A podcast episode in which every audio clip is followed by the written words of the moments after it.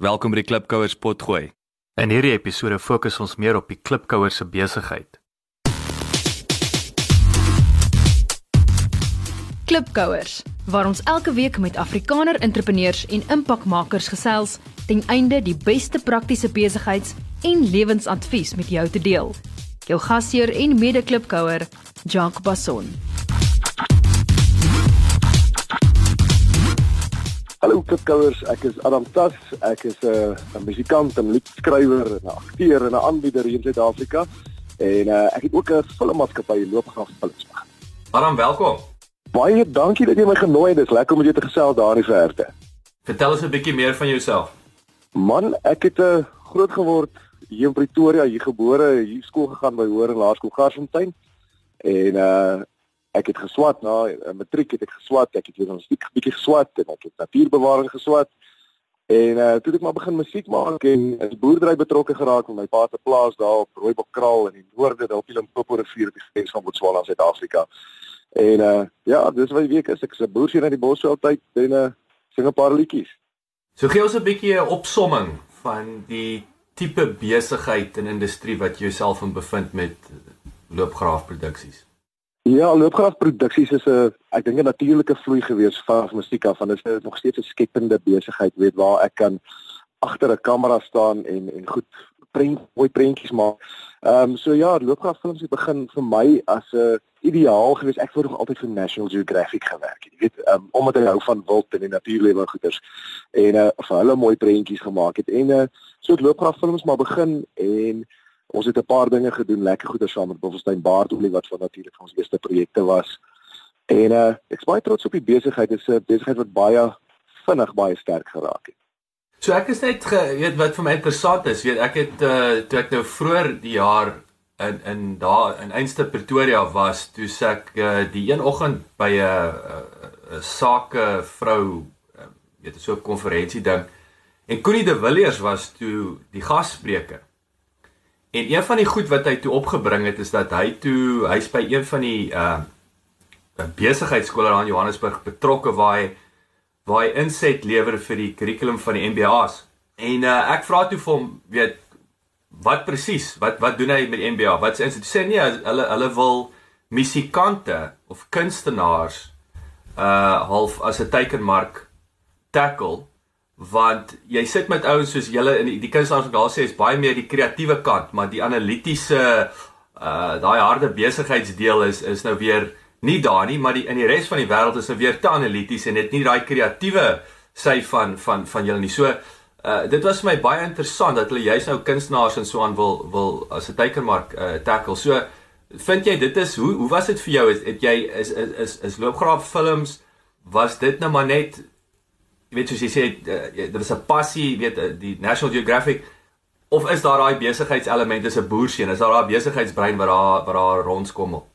Daar is definitief 'n besigheidsbrein ongelukkig vir my. Uh, anders het ek maar gefokus op musiek en ek dink ek sou baie gelukkig gewees het, maar ek ek kan nie stil sit nie. Ek moet ek moet nuwe dinge aanpak en dit was 'n absolute besigheidsbesluit, jy weet wat gebeur met 'n musikant as sy loopbaan ewe skielik verby is? Jy weet as hy as die tannies van die huisgenoot ewe skielik nie meer jou jou musiek wil luister nie. Ehm um, dan dan is jy maar redelik op straat jy. en uh, ek het besluit ek het 'n paar besighede in my lewe so begin ehm um, wat ek wat ek nie meer afhanklik hoef te wees van musiek van musiek maak as sulks nie, hoewel dit nog steeds my my hoofbron van inkomste is. Maar dit is ook hoekom loopgraaf films ontstaan het as as 'n veiligheidsnet teen teen teen om om my te verskans basies teen die risiko's van van 'n bekende persoon wees en en die, en die dinge wat met jou kan gebeur in hierdie bedryf.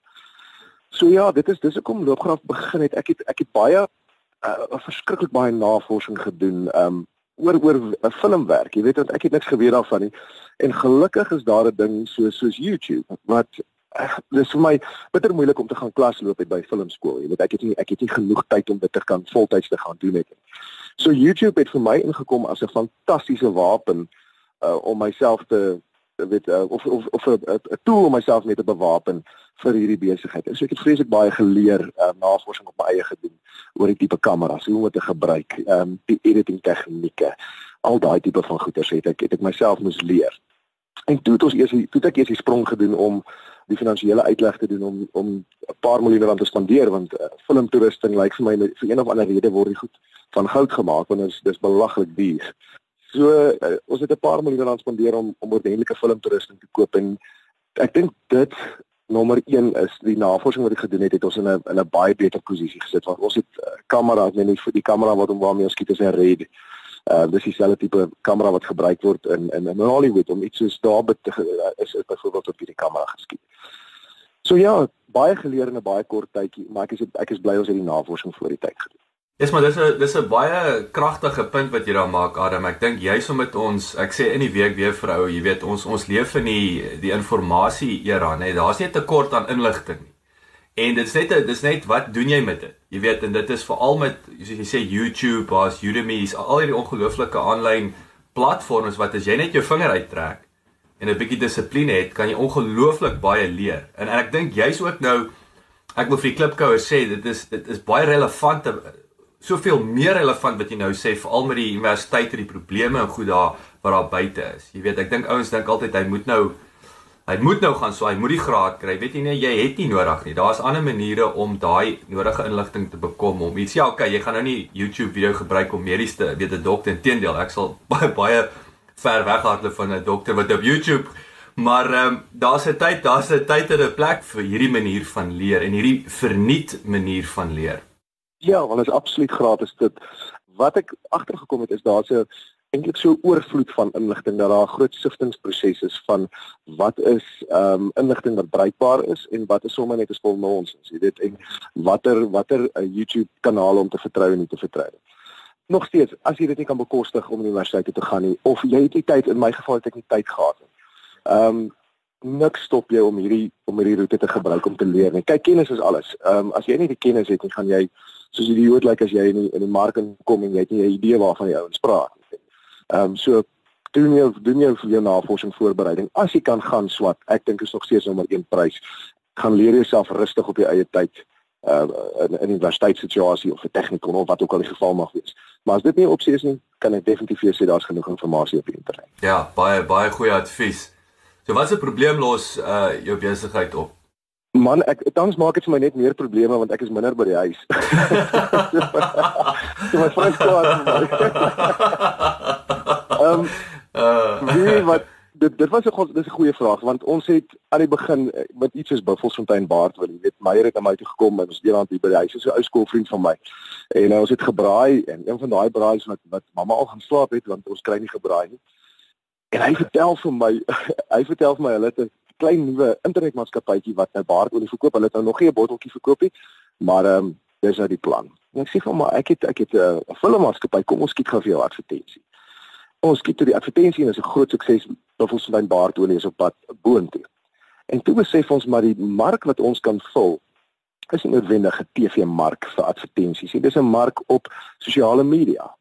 Kort, vinnige, kragtige advertensies wat snaaks is. Jy weet wat wat ehm um, die Engelse woord te gebruik shareable is dat mense dit wil deel met jou vriende, jy weet. Jy weet hy moet daai ding hê van kyk hierso. Kyk jy hierdie gesien. En dit is 'n mark wat ons gevul het wat niemand regtig gedoen het nie. En uh ek sien daar's al hoe meer mense wat dit begin doen en dit was lekker om om van die eerstes te wees wat dit in Suid-Afrika ten minste reg gekry het.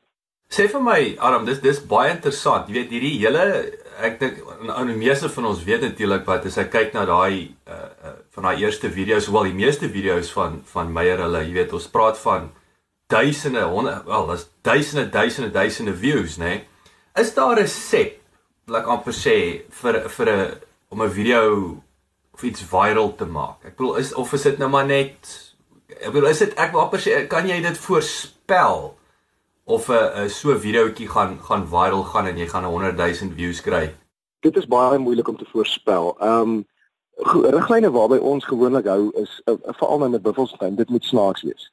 Die oomblik lyk vir my as as iets iets vir Suid-Afrikaners ten minste, ek kan nou nie vir die res van die wêreld praat, maar vir Suid-Afrikaners ten minste as die ding in hulle humor sin val dan is dit baie maklik vir hom om dit te, te deel, weet via WhatsApp of Facebook of wat ook al.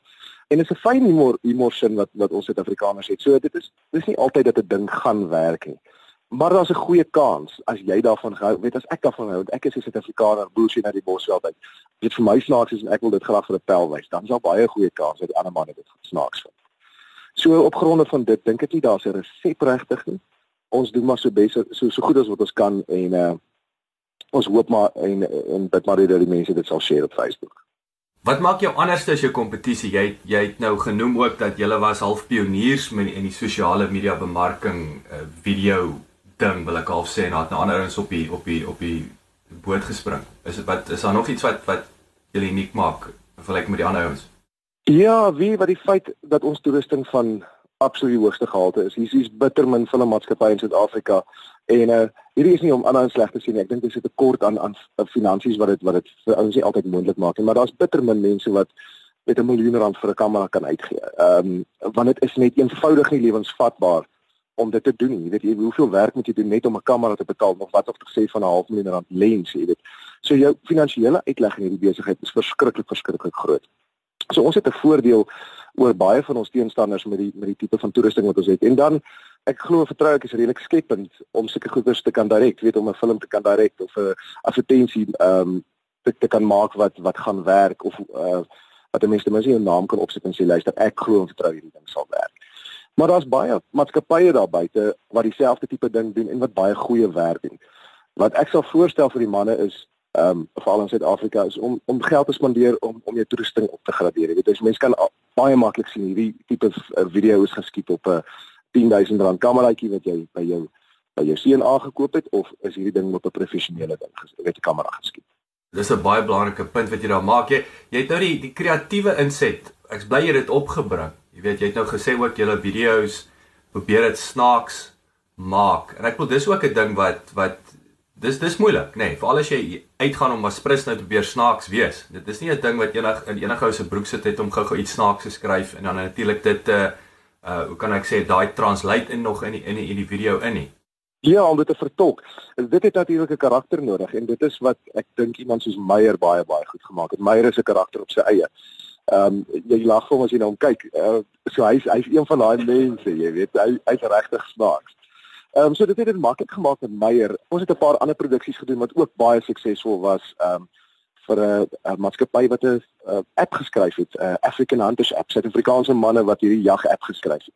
En ons het vir hulle 3 video's gemaak wat baie baie suksesvol was. En die laaste een wat ons gemaak het was weer glad nie in die voege van snaaks wees. Dit was 'n 'n baie epiese video van hierdie man wat regmaak vir 'n jagtog. Vroegmôre opstaan in die bos van sy koffie drink, sy vellies vasmaak weet daai time lapse skote van pragtige natuur skoon. Dit was iets heeltemal anders geweest wat ons gedoen het vir die ouens en dit was baie suksesvol vir daai tipe mark. So ek dink elke mark moet ook maar aangespreek word op sy eie uh, waardes wat daai mense het wat daarna gaan kyk en wat dit moet koop op die einde van die dag. Dis net 'n baie mooi aan by die volgende vraag. So wie is julle teikenmark of ideale kliënt? Man, ehm um, ek dink dan dan is ons nog nie hy groot besigheid dat ons sommer net kan kies wie ons teiken of wie ons mark is. So ons vat maar werk soos dit inkom, maar ek eh, ek is Afrikaans en ek doen graag besigheid met Afrikaanse besighede. En ek hou daarvan. Jy weet dat ek nie hoef te gaan op my knieë uh, sleep vir die punte en sulke goeie. Ek ek kan met Afrikaanse mense gaan werk en ek en ek weet daar gaan altyd werk wees vir ons as 'n maatskappy. So ek hou nie daarvan om op my knieë te kruip voor 'n regering wat my basies dwing om sekere goederes te moet doen of die helfte van my besigheid weg te gee vir 'n swart partner, jy weet daai tipe van ding. Ons is Afrikaans, ons is boere, ons werk saam met die boere en ons werk baie lekker so. Hoor jou, dit is uh dit, en dit dis 'n dis 'n lekker posisie om ook in te wees. Dit is bevrydend, dink ek. En uh ja, dit kan nie dit kan nie dit kan nie ek sê vir alle jong besigheid kan nie vreesgedrewe wees wil ek half sê nie. Jy moet jou ding doen en jy en uh jouself uitleef, uh, dit geniet en in die resultate volg. My span sê vir my ons het baie resensies op iTunes nodig sodat jy die Klipkouer program maklik in die hande kan kry. Kan julle ons asseblief uithelp en inteken op iTunes en vir ons 'n resensie los? Ons sal dit kwai waardeer. Dankie.